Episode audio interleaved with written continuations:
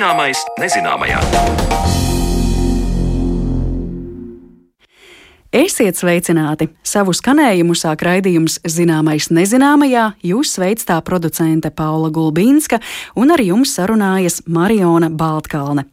Pēdējos gados mēs no jauna esam mācījušies mazgāt rokas, lai pasargātu sevi no saslimšanas ar covid-19, bet, protams, roku mazgāšana higiēnas nolūkos ir svarīga visos laikos un ne tikai vīrusu dēļ. Šīs dienas raidījumu mēs veltīsim tiem patogēniem, kuru vārds uz vīrusu un baktēriju fona iespējams izskan mazāk, taču to nozīme un dažkārt pat radītais posts var būt nemazāk graujošs. Raidījuma otrajā daļā no bioloģijas un medicīnas skatpunkta runāsim par patogēnajām sēnēm, bet iesākumā iepazīsim minerālus, kas arī var būt kaitīgi cilvēkam. Šķiet, kādu gan kaitējumu cilvēkam var radīt ieži. Izrādās, ka apstrādājot vienu vai otru minerālu vai nonākot saskarē ar to, var gan ielpot kaitīgas vielas, gan uzņemt radioaktīvo starojumu. Kas ir šie bīstamie ieži un minerāli, un vai cilvēks dabā ar tādiem vispār sastopas? Par to turpmākajās minūtēs mūsu arhīva stāsts. Ieceres šim sižetam sākās no ļoti nezinātniskas puses, proti ierakstot Google meklētājā vārdus bīstamie vai kaitīgie minerāli. Un skatam parādījās vairākas interneta vietnes ar virsrakstiem - pasaules nāvējošākie akmeņi un minerāli, indīgie minerāli un tam līdzīgi. Un tur lasām daļskanīgus nosaukumus - halkantīts, torbernīts, galenīts, cinobrs, reālgārs, auri pigments. Un klāt arī attēli ar brīnum skaistiem krāsainiem kristāliskas formas iežiem. Taču uzrunājot speciālistu, uzzinām, ka tādu kaitīgo minerālu saraksts neeksistē.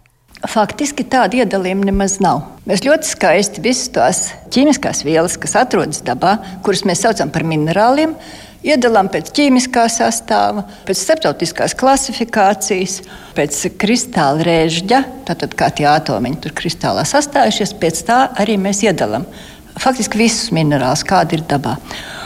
Un, ja mēs sakām, bīstamāki, mazāk bīstami vai kaut kādi indīgi, faktiski tāda iedalījuma nav. Jā, šīs īpašības ir. Daudziem minerāliem ir kaut kādas tādas īpašības, kas nu, cilvēkam nebūtu pārāk labvēlīgas, bet tas iedalījums nepastāv kā tāds. Tā skaidro geoloģijas zinātņu doktore, Latvijas Universitātes muzeja eksperte un Geogrāfijas un zemes zinātņu fakultātes pētniece Vija Hodireva. Taču, ja geoloģijas zinātnēs neiesvaidīti ļaudis šādus sarakstus ir radījuši, tad pamats tiem ir – Vairākos iepriekš minētajos minerālos ir savienojumi, kas var būt bīstami un kaitīgi cilvēka veselībai un dzīvībai. Tāpēc turpmākajās minūtēs aplūkosim, kādas ir šīs ķīmiskās vielas, ko tās mums var nodarīt un cik lielā daudzumā tās ir sastopamas Latvijas teritorijā. Kā pirmo es minu asbestu, minerālu, kur sīksīkās šķiedras, nokļūstot cilvēka organismā, var kaitēt mūsu plaušām. Katram minerālam ir kristāla režģis. Nu, tātad tie atomiņi, kā sastājušies tajā attiecīgajā ķīmiskajā vielā, kas ir dabā. Un ir tāda minerāla, kur kristāla režģis veido nu, tā tādas diezgan garas struktūriņas, teiksim tā vienkāršot. Nu, un, ja tās ir garas struktūriņas, tas nozīmē, ka kādam minerālam, šajā gadījumā asbestam, ja bieži vien mēs sakām, tas ir hrizotilāsbests, vai to minerālu vēl mēs saucam par serpentīnu Šie minerāli kristāli režģī ir tādas tās e, jonu grupas, kas ir diezgan garas. Un ko tas dod un ko tas norāda? Tas norāda, ka attiecīgam minerālam arī tā forma, tā kristāla forma, ko mēs redzam, būs līdzīga.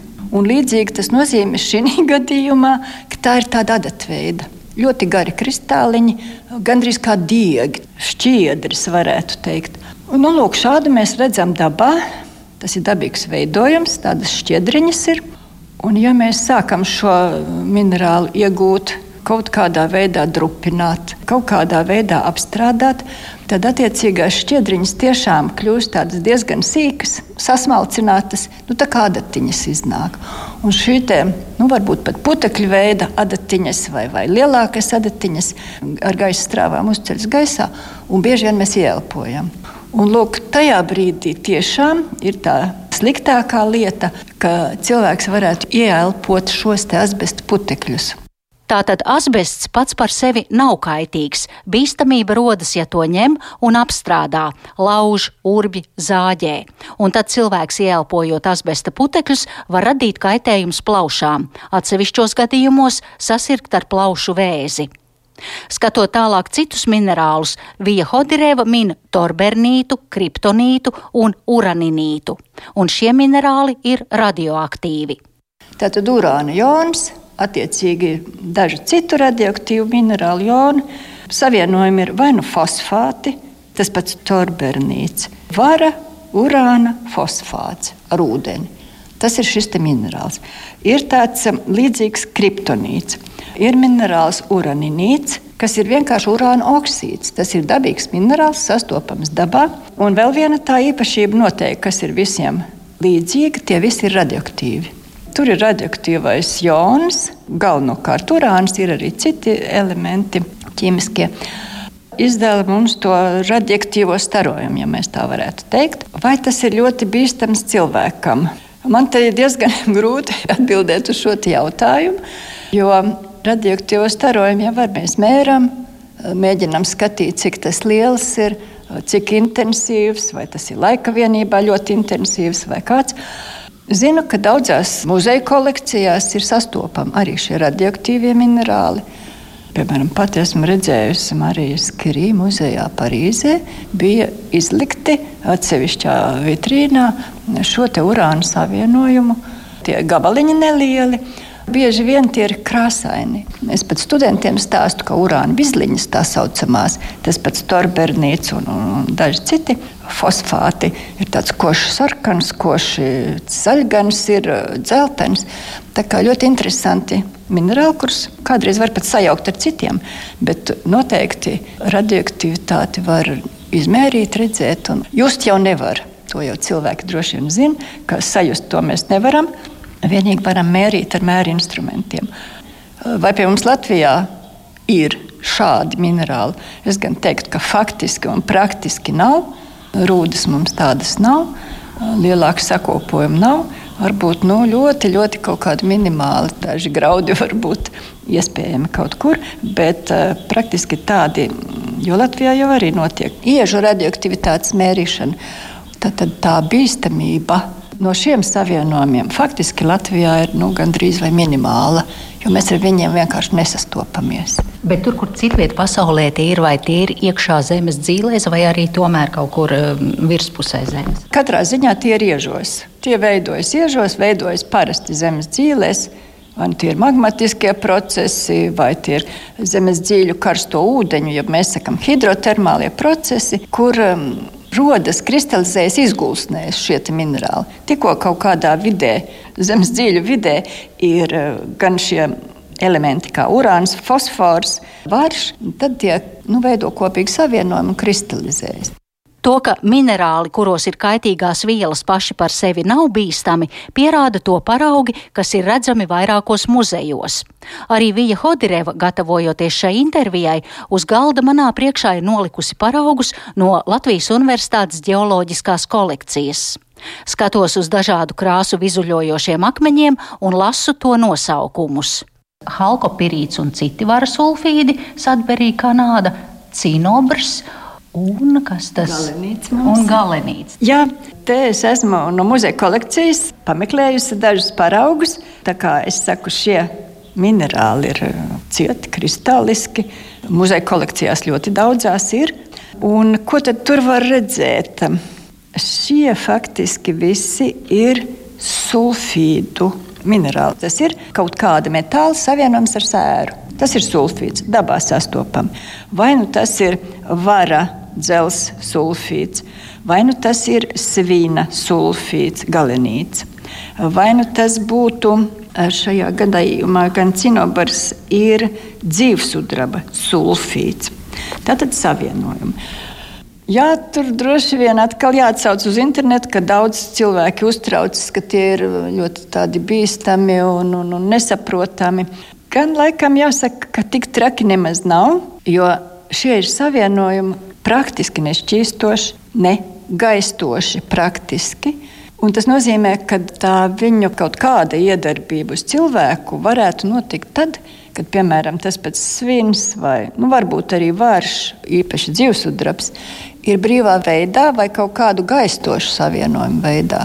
Nu, es tā vairāk skaidroju, tā varbūt vienkāršot saku. Tātad, ja es šobrīd skatos uz to cinobru, kas ir tādā pelēka, sarkanā Sarkanā. krāsā, tad tur tas dzīvesudrabs ir ieslēgts tajā iezī un vienkārši skatoties to mums nekādu ļaunumu tas nevar nodarīt.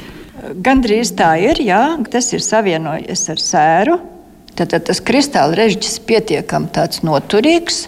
Un e, viņa faktiski nu, gandrīz ne, nekādu mums to iedarbību slikto nu, nerada. Ar cinobru ir mazliet tā grūtības, jo kāpēc es tā saku? Tādēļ, ka kādreiz taisīja krāsu. Tā koši sarkanā, cinobra sarkanais, varbūt daudzi zina. Jā, gleznotāji. Gleznotāji sen senos laikos, un, un netik sen varbūt. Tad taisīja tādu pulveri. Cik tur ir, um, sajaucot ar kādām citām vielām, cik tur tās iedarbības man grūti teikt. Bet viss, protams, toksiskākais būtu tad, ja tas dzīvesudrabs būtu atsevišķi no sēra. Tad saindēšanās ir iespējama. Tā kā zelts šķīst dzīvesudrabā, tad agrāk baznīcu kupols apzeltīja ar dzīvesudraba emulsiju, kurā minētais dārgmetāls bija izšķīdināts, un darba procesā šis maisījums kaitīgi iedarbojās uz cilvēka veselību.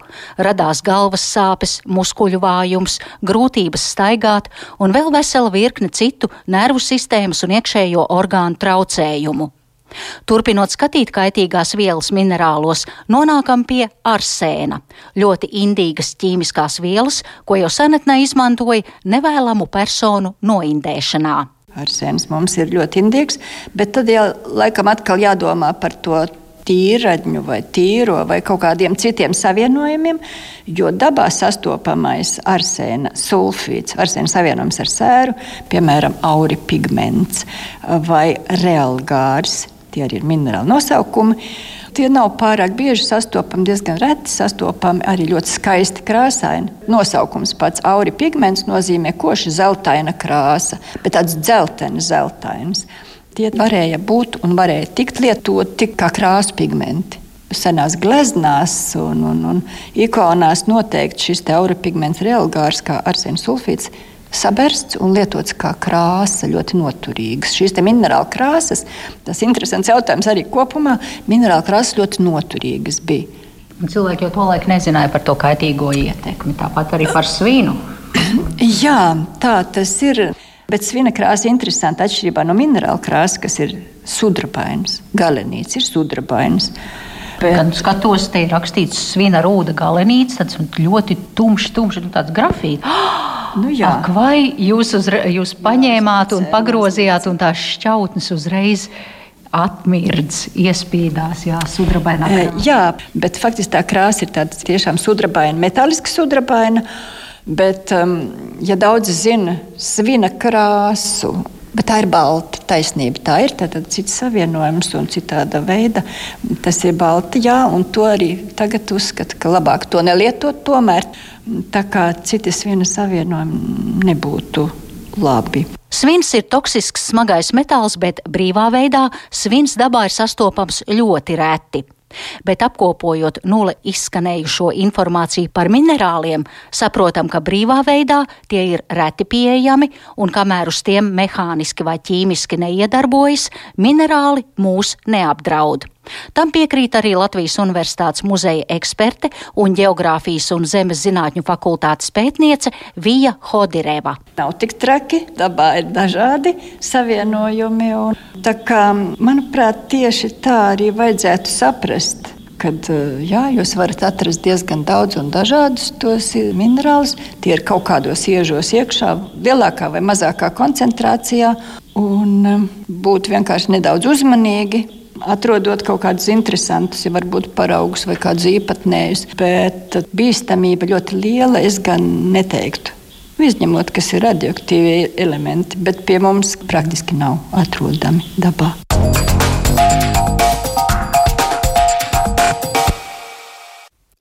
Paldies Zanai Lācei Baltalksnei par sižetu no mūsu arhīva krājuma. Uzzinājām, ka patogēni var būt arī minerāli, bet pēc brīža ķersimies klāt sēnēm un pētīsim šo organismu kaitīgumu.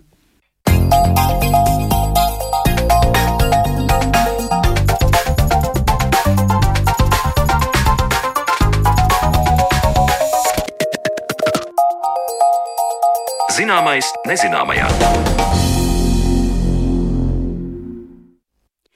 Sēnes aug ne tikai mežā. Mazākās no tām mikroskopiskās sēnes ir sastopamas it visur. Un līdzīgi kā ar mušmirēm, dažas no mikroskopiskajām sēnēm ir kaitīgas cilvēkam, radot gan mazus lokālus iekaisumus, gan nopietnus draudus cilvēka dzīvībai. Ko zinām par šīm sēnēm un kas ir patogēns Candida auris, kas strauji izplatās ASV? Par to šodien sarunāšos ar pētniekiem, kuri labi pazīst sēņu valsti, un es sveicu studijā Latvijas Universitātes Mikrobioloģijas un Biotehnoloģiju institūta vadošo pētnieku Jāni Liepiņu. Sveicināti! Kā arī telefoniski mums ir pievienojusies hepatoloģe, infektoloģe, medicīnas zinātņu doktore Indra Zeltiņa. Labdien! Labdien! Un man arī uzreiz ir eh, jāpasaka, ka sarunas laikā es eh, mīšos starp eh, dažādām uzrunas formām, tu un jūs, jo ar Jāni mēs esam visai labi pazīstami no Latvijas Universitātes bioloģijas fakultātes studiju laikiem un dažādām citām aktivitātēm fakultātē. Par to tad, lai klausītāji ir lietas kursā. Bet mēs uzreiz ķersimies klāt sēņu medicīniskajai pusei, un es vispirms Zeltiņas kundze jums gribētu jautāt patogēnas sēnes, primāri par patogēnām sēnēm mēs runājam tāpēc, ka tās nodara kādu būtisku kaitējumu tieši cilvēkam, vai tas ir plašāks jēdziens patogēns arī videi un kādiem citiem organismiem? Um, nu, tas vārds patogēns mēs viņu varam lietot uh, dažādi, bet uh, principā medicīnā um, pacientu ārstēšanas jomā mēs uzskatām, ka tās ir sēnītes, kuras rada kaitējumu cilvēka veselībai un uh, kuru darbības rezultātā pacienta veselība var pasliktināties vai rasties kāda sarežģījuma vai rasties arī slimība pati par sevi. Mēs uh, medicīnā lietojam vārds patogēns tīri šādā izpratnē, kas rada slimību, rada ārstējamu procesu. Kas ir tās sēnītes, ar kurām visbiežāk pacienti vēršas pie ārstiem? Man šķiet, ka mēs ļoti daudz esam dzirdējuši par nagu sēnīti. Nu, varbūt tā tāda izplatītākā, bet droši vien nav vienīgā.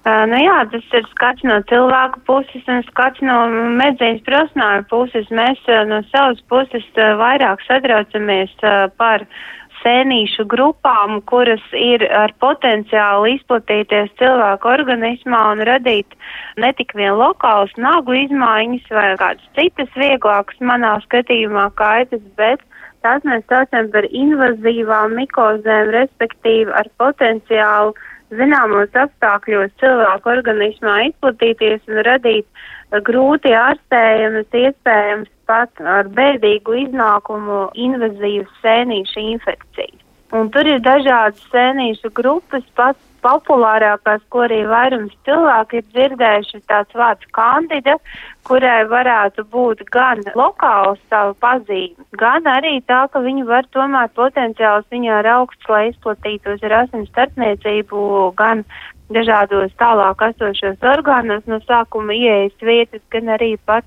galvas smadzenēs, pavisam būtiski apdraudēt cilvēku dzīvību. Jā, par šo kandida auris šobrīd ļoti plaši runā. Tā ir radījusi pamatīgas galvas sāpes Amerikas Savienotajās valstīs. Tātad, ja es pareizi saprotu, tā skar ļoti plašas orgānu grupas, dažādas ķermeņa daļas. Tie ir ne tikai nagi, bet arī nu, citas vietas mūsu organismā, kur šī sēne rada savu patogēno efektu. Nu, es tad nelielu ievadu pateikšu par kandidām. Kandidas ir vēsturiski sen zināmas un ļoti labi pazīstamas mediķiem un arī cilvēkiem sēnītes, kuras parasti mēs uztveram kā salīdzinoši vieglas un tā saucamās ārējo apvalku slimības. Un tur jūsu pieminētā nagu sēnīte, tur ir ādas sēnīte, kas nereti izskatās tā kā tāda liela sarkana pleķa uz cilvēka ādas. Gļotāda sēnīte ļoti populāra. Dažkārt bija novājināts imunitātes. Mutē parādās balta biespienveida aplikumi, kas būtu mutes sēnīte vai arī nu, tā saucamā ārējo dzimumu orgānu sēnīt bieži sievietēm, ja no antibiotikas ilgāk jālieto vai kaut kas cits ir novājinājis organismu. Tā būtu tāda vispār zināma un saprotama lieta. Bet arī pati parastā saucamā parastā kandida, kurai ir daudz apakšu variantu, un tur ir varbūt dzirdēta albikans, tropikāls, citas, var radīt ne tikai šīs virspusējās izmaiņas, bet arī izplatīties ar asins starpniecību un attālināti tālu no primārās ieejas vietas radīt nopietnas problēmas. Ja kāds uh, mikrobs, tajā skaitā sēnīte, ceļo ar asinīm, kur viņām noteikti, noteikti nevajadzētu būt, jo asins ir sterila vide, tad to sauc par sepsi. Ne tikai baktērijas, bet arī sēnītes var ceļot ar asinīm, nokļūt sirdī, nokļūt smadzenēs, nierēs, aknās, gremošanas traktā un tādā veidā radīt grūti ārstējams problēmas. Un mēs sākām uh, ar šo it kā salīdzinoši jauno variantu, kandida auris, bet principā viņi jau ir ar tādām pašām īpašībām kā citas kandidu grupas sēnītes.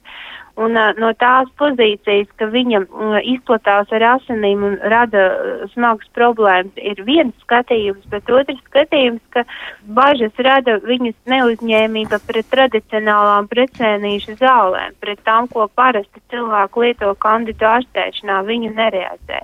Tā būtu tā otra lielā problēma. Sakiet, tad, eh, ja mēs vēl par šo medicīnas praktisko pusi, tad kā jūs uh, saprotat, vai pacientam varētu būt problēmas ar sēnītēm?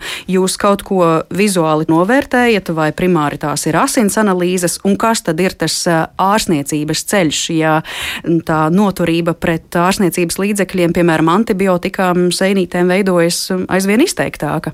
Antibiotikas vispār nekad nestrādā uz sēnītēm. Antibiotikas kā vārds ir antibaktēriju zāles, kuras sēnītēm nedarbojas, un par to mēs nerunājam speciāli.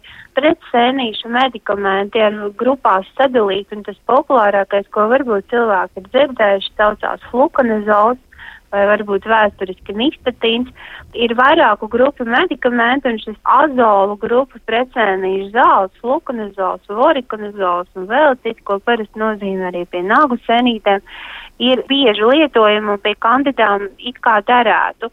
Bet šī agresīvā kandida auris, eh, viņa ir bieži, visbiežāk neuzņēmīga pret plaši pieejamām sēnīšu zālēm. Runājot par jūsu jautājumu par to diagnostiku, skaidrs, ka jebkurš ārsts vispirms sāk ar pacientu izvērtējumu. Sēnītes nav infekcija vai invāzija, kas rodas jebkuram, jebkad un visu laiku. Tā ir tomēr trāta lieta, kas rodas cilvēkiem ar prioritāri novājinātu imunosistēmu, tiem, kuri ilgstoši lieto antibiotikas, kuriem ir iedzimts vai iegūts imunodeficīts, kuri ir novājināti onkoloģisku slimību, citu smagu medikamentu lietošanas rezultātā. Bet medicīniski, protams, mēs saprotam, ka tā ir ļoti liela cilvēku grupa. Mums apkārt ir daudz cilvēku, kuri ir ar novājinātu imunitāti, tu, kur diabēta tā skaitā. Lūk, un šiem pacientiem ir īpaši bīstamas šīs potenciāli asinīs migrējošās sēnīs. Un ārsti izvērtē gan to ādas vai ļoti tādu lokālo stāvokli, kas nevienmēr varbūt sakrīt ar to realitāti. Tad ir daudz citu klīnisko simptomu, to starp temperatūru, un tad seko analīzes. Mm -hmm. Tad seko analīzes, un tad tās arī tiek veikts. Jā, tad sanāk, ka ir iespēja to novērtēt gan ārēji, vizuāli, un tad veikt tālākus izmeklējumus. Uh, jā, bet tas ir grūti, jā, tāpēc, ka nevienmēr tas, kas ir uz ādas, parāda to, cik nopietni ir jā, varbūt jau nokļūst asinīs. Mm -hmm. Mēs tad laidīsim jūs atpakaļ jūsu darba gaitās pie pacientiem, un es tikai atvadoties vēl gribēju jautāt, kā jūs, kā praktizējošs ārsts, novērtētu situāciju Latvijā, vai ar šīm sēnīšu problēmām, sēnīšu izraisītām slimībām pacienti daudz vēršas. Varbūt šī sēnīte tiek pārnesta no cilvēku uz cilvēku, un tā kļūst liela problēma medicīnā. Arī pilnīgi jums piekrītu. Kandida nav vienīgā sēnīšu grupa, turpat arī ir, piemēram, aspergīlas, kuras uh, reti, kad uh, bija problēma iepriekš, bet kaut vai šī paša daudzkārt pieminētā nelaimīgā Covid pandēmijas laikā cilvēki intensīvās terapijas nodaļās klāt ieguva šo zināmo sēnīti un arī par jūsu minēto kandida auris, tas pamatā ir hospitāla infekcija. Tas nozīmē, ka sēnītes dzīvo uz virsmām, sēnītes dzīvo medicīnas aparatūrā, sēnītes izplatās slimnīcā. Un, protams, ka tas ir jauns izaicinājums. Kopumā situācija tiek kontrolēta, bet nākotnes skatījums, ka mikrobi izlaužās, mikrobi mēģina izlausties, kaut vai rodoties jaunām variantiem, šis pats kandidāts pieminētais. Skaidrs, paldies, ka jūs izgaismojāt eh, šo sēnīšu medicīnisko pusi. Tad eh, vēlēšu veiksmīgu šo dienu un veiksmīgas darba gaitas un atgādināšu, ka telefoniski mums pievienojās hepatoloģe, infektoloģe, medicīnas zinātņu doktore Indra Zeltiņa. Paldies jums par sarunu! Paldies! Jā. Jāni, tagad vārds tev. Sveiks vēlreiz studijā. Tu dzirdēji šo medicīnisko stāstu, un es eh, ārstēju jautāju, vai jēdziens patogēns nozīmē to, ka tas ir risks eh, cilvēkam. Kā tu, kā mikrobiologs, teiktu, vai tur stāsts ir tikai par cilvēku, vai tomēr arī par citiem dzīviem organismiem? Plašāk skatoties, patogēni var būt arī augiem, un patogēni var būt arī dzīvniekiem. Bet, protams, ja cilvēks ir mediķis, tad pilnīgi noteikti viņam rūp pacienti. Tad, tad tas fokus ir tiešām uz tām sēnēm, sēņu grupām, kas izraisa slimības cilvēkos.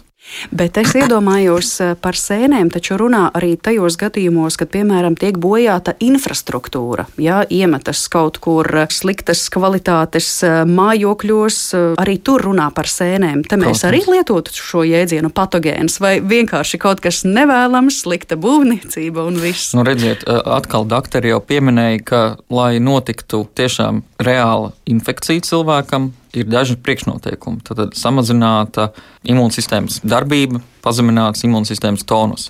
Un, ja cilvēks dzīvo namā, kur tiešām ir iemeties kaut kāda sēne sienā vai vannas istabā, un ja tā sēne, piemēram, izplatas poras, un jūs tur dzīvojat, un jūsu imūnsistēma nevar cīnīties ar šīm nejauši vai jauši iegūtajām sporām, tad, protams, tā it kā nekaitīgā sēne var pārvērsties par jūsu patogēnu. Mm. Jā.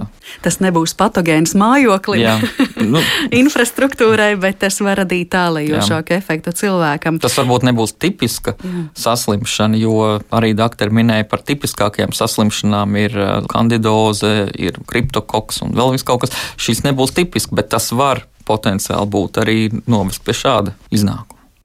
No tāda mikrobioloģijas viedokļa raugoties uz eh, šo sēņu valsti, vai ir kādas konkrētas vietas, kur patogēnas sēnes būtu sastopamas, vai sēnes ir tik plašas, ka tas var būt jebkur? Lūk, par šo jautājumu cilvēki kā reizi ir interesējušies. Un izrādās, ka tā spēja inficēt, ja mēs fokusējamies uz cilvēkiem, tā spēja inficēt cilvēku ir radusies vairākas reizes dažādās sēņu grupās neatkarīgi viena no otra.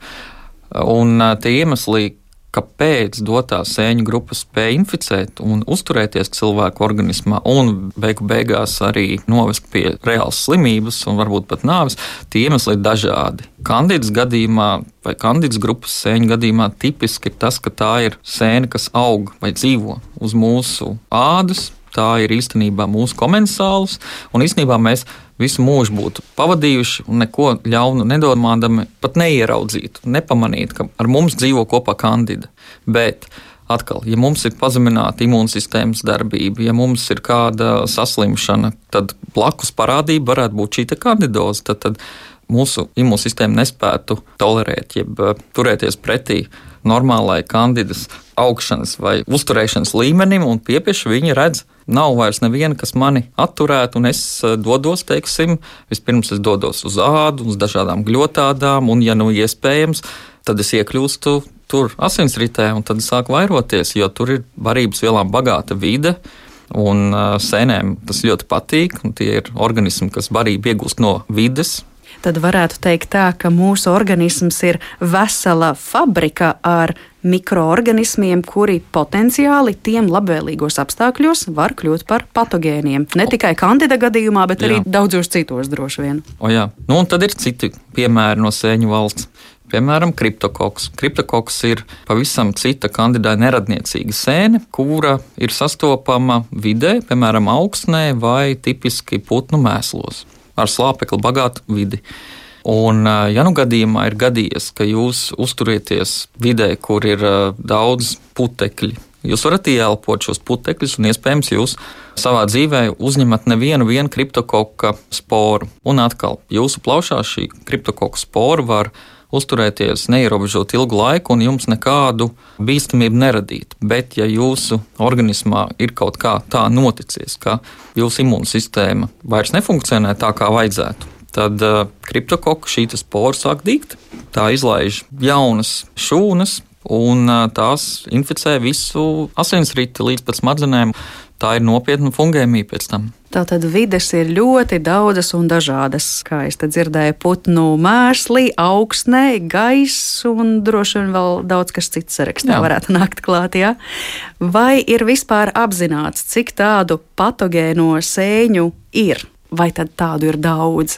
Man šķiet, ka tādu tipisko sēņu, kur uh, jūs sastopat reālus gadījumus un kur jūs identificējat sugu, nu, varētu būt kaut kādas 20 līdz 30 sugas. Nu, viņas, protams, var apkopot lielākās grupās, kā redz teica, kandidu grupa, kur apakšā ir kandida albikāns, kandida auris, kandida tropikāls, varbūt vēl kāda tad ir malasēzija grupa un vēl kādas. Tad, tad viņas var apkopot lielākās grupās, bet es teiktu, nu, kādas 20, 30 droši. Un tad vēl ir ļoti daudz tādas, ko mēs pat nezinām un nepamanām. Var arī tā gadīties. Un tāpēc nu, tādi ļoti plaši domājoši zinātnieki saka, ka daudzas sēņu infekcijas mēs pat nepamanām, ka tomēr tas organisms spēja arī ar viņām tikt galā. Nu, ja mēs netiekam galā, tad, protams, mēs ejam pie ārsta iespējams pat uh, katrs desmitais cilvēks uz planētas kādā savā dzīves posmā pārslimo lielāku vai mazāku sēņu infekciju. Tad, tad iespējams, ka mēs pamanām nelielu daļu, un lielāko daļu varbūt mūsu organisms pat tiek galā nepamanīts. Nu, tā. Hmm. Ja tā domā kopumā par plašo sēņu valsti, tad it kā 20, 30 sugas neizklausās ļoti daudz, bet eh, tas posts patiesībā var būt krietni graujošāks, neskatoties uz eh, tādu visai nelielu sugu skaitu, jo sēnes ļoti efektīvi un ātri izplatās. Ja?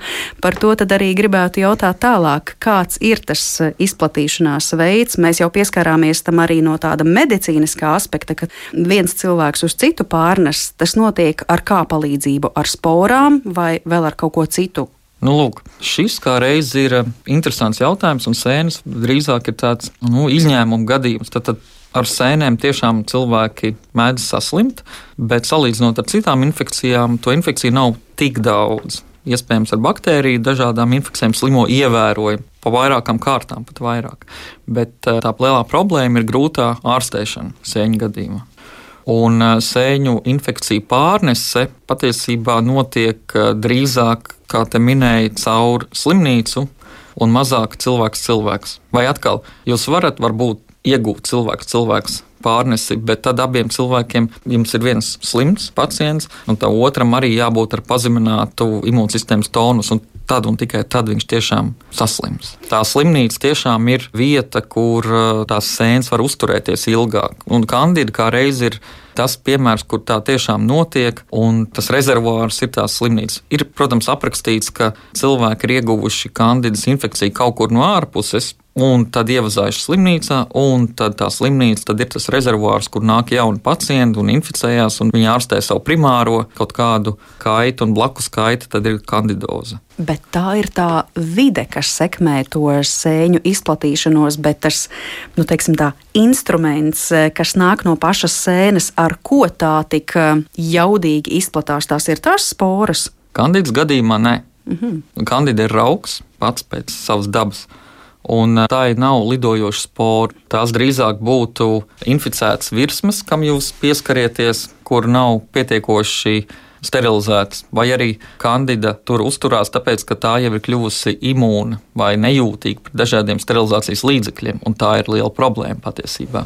Tie varētu būt materiāli, medicīnas materiāli, kā arī doktori minēja, kuri ir lietoti vienam pacientam, un tā kandida tur ir ieaugusi iekšā, vai tā būtu kāds sūknītis, vai tas būtu kāds uh, ventilators, un tad no turienes tad nāk apakaļ uz nākamo pacientu.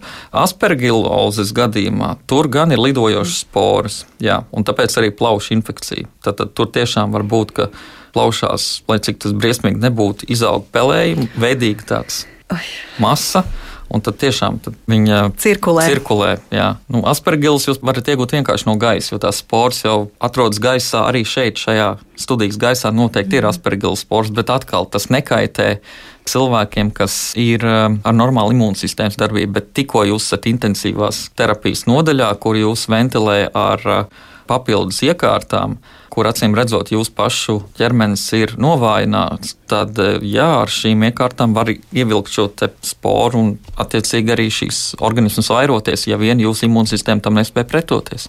Redz, kā mēs eh, pēdējo gadu laikā esam tik daudz runājuši par eh, vīrusiem, vienu tādu izteiktu, jau covid vīrusu un baktērijām, un tad izskatās, ka sēnes, kuras spēja atstāt tik ļoti lielu ietekmi uz cilvēka veselību, tiek piemirstas, bet tās varbūt vajadzētu vairāk celt gaisā jo tas efekts varbūt pat ir graujošāks. Mm, skaitļos tas efekts varētu arī nebūt tik graujošāks. Vienkārši ar covid mēs esam iespējams tikuši galā. Mēs esam iemācījušies, kā tikt galā, jo nu, ir vakcīna. Mēs zinām, apmēram, kurā virzienā šis organisms evolūcionē un varam radīt, teiksim, varbūt jaunas vakcīnas. Ar sēnēm ir grūtāk, jo tur tās iespējas tās apkarot ir dažas zināmas, bet sēnes ļoti veiksmīgi pielāgojās jaunajām situācijām, jaunajām zālēm.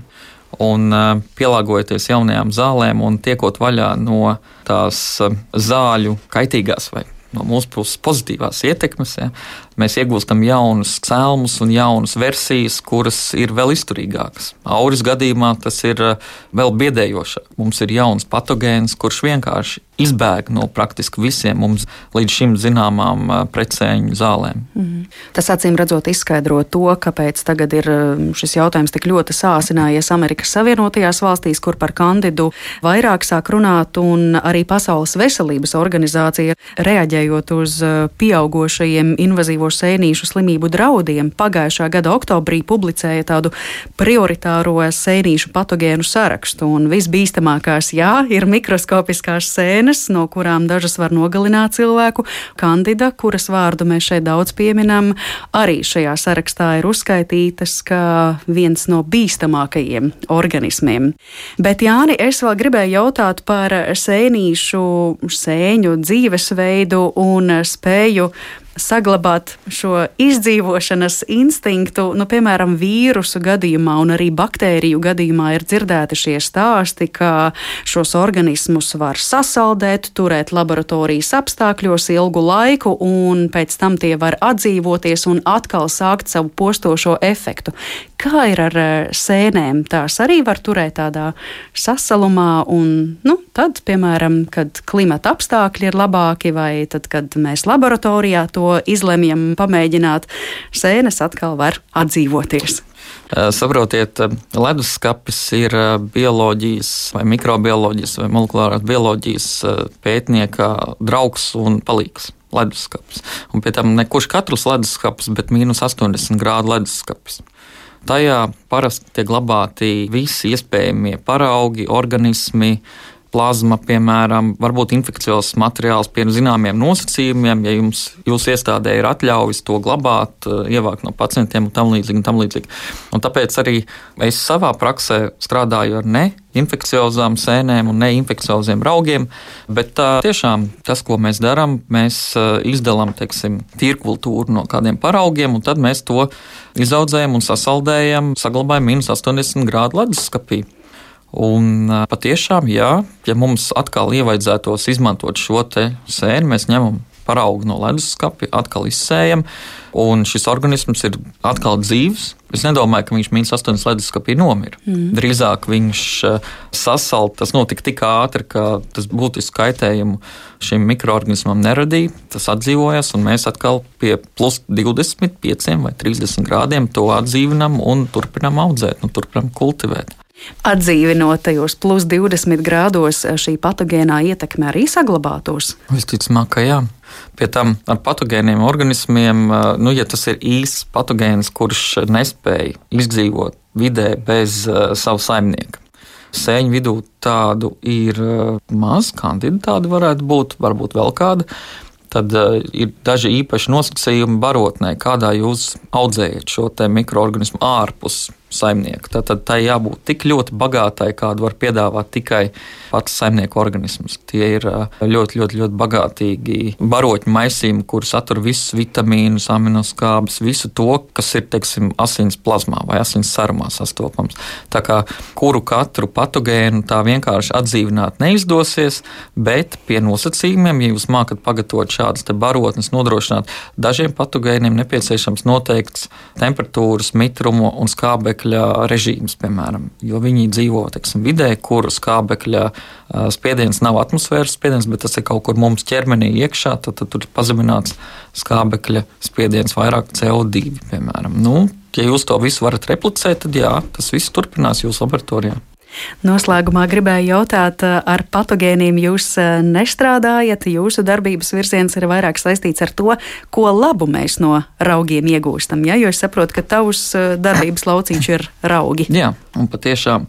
Kā jau es pieminēju, kandida arī ir raugs. Mm. Tā kā kaut kādas zināšanas arī no mūsu pētījumiem mēs varētu pārnest arī uz kandidas teiksim, fizioloģiju vai to, kā darbojas kandida. Tas, ko mēs darām, mums interesē vai augus ir iespējams izmantot priekš eh, kādu mums noderīgu produktu iegūšanas, un vēl jau vairāk pārstrādāt mums kādus atkritumu produktus. Konkrēti, tagad mums interesē vecu eļļu pārstrāde, vecu cepamo eļļu pārstrāde par ziepju-veidīgiem materiāliem, kurus varētu izmantot gan kā ziepes, gan kā emulsificējošas eh, vielas, ar kuru palīdzību var sajaukt uh, citas vielas padarīt tās plūstošas, nu, kaut kas tāds. Un, un to dara daži augi, kas to dara jau no dabas, un mēs paņemam vienkārši dabas izolātu un mēģinām uzlabot teiksim, šos te sintēzes apstākļus un maksimizēt iznākumu. Mēram tā. Mm. Tā kā zināšanas par patogēniem palīdz arī tajā, lai radītu kaut ko vērtīgu un uh, lai sekmētu to, ko mēs laikam saucam par ilgtspējīgu ekonomiku ja? un vispār apriti kā tādu. Tev bija vēl kaut kas piebilstams. Es teiktu, esiet veseli, sportojiet, ēdiet probiotiskus dzērienus un ēdienus, un lai sēnes ir jūsu draugi. Jā. Tas ir labs novēlējums, un par to es arī saku paldies mūsu studijas viesim raidījuma otrajā daļā. Tātad sarunājāmies ar Latvijas Universitātes mikrobioloģijas un biotehnoloģijas institūta vadošo pētnieku Jāni Liepiņu. Jāni, paldies, ka viesojies paldies, mūsu, mūsu studijā. Un pār šo raidījumu gādāja producente Paula Gulbīnska, par mūziku parūpējās Girds Bišs, skaņu režijā bija Elizabete Šai. Cānova un Mariona Baltkalne pie mikrofona. Esiet vērīgi, sargājiet savu veselību un uz tikšanos atkal nākamajā raidījumā.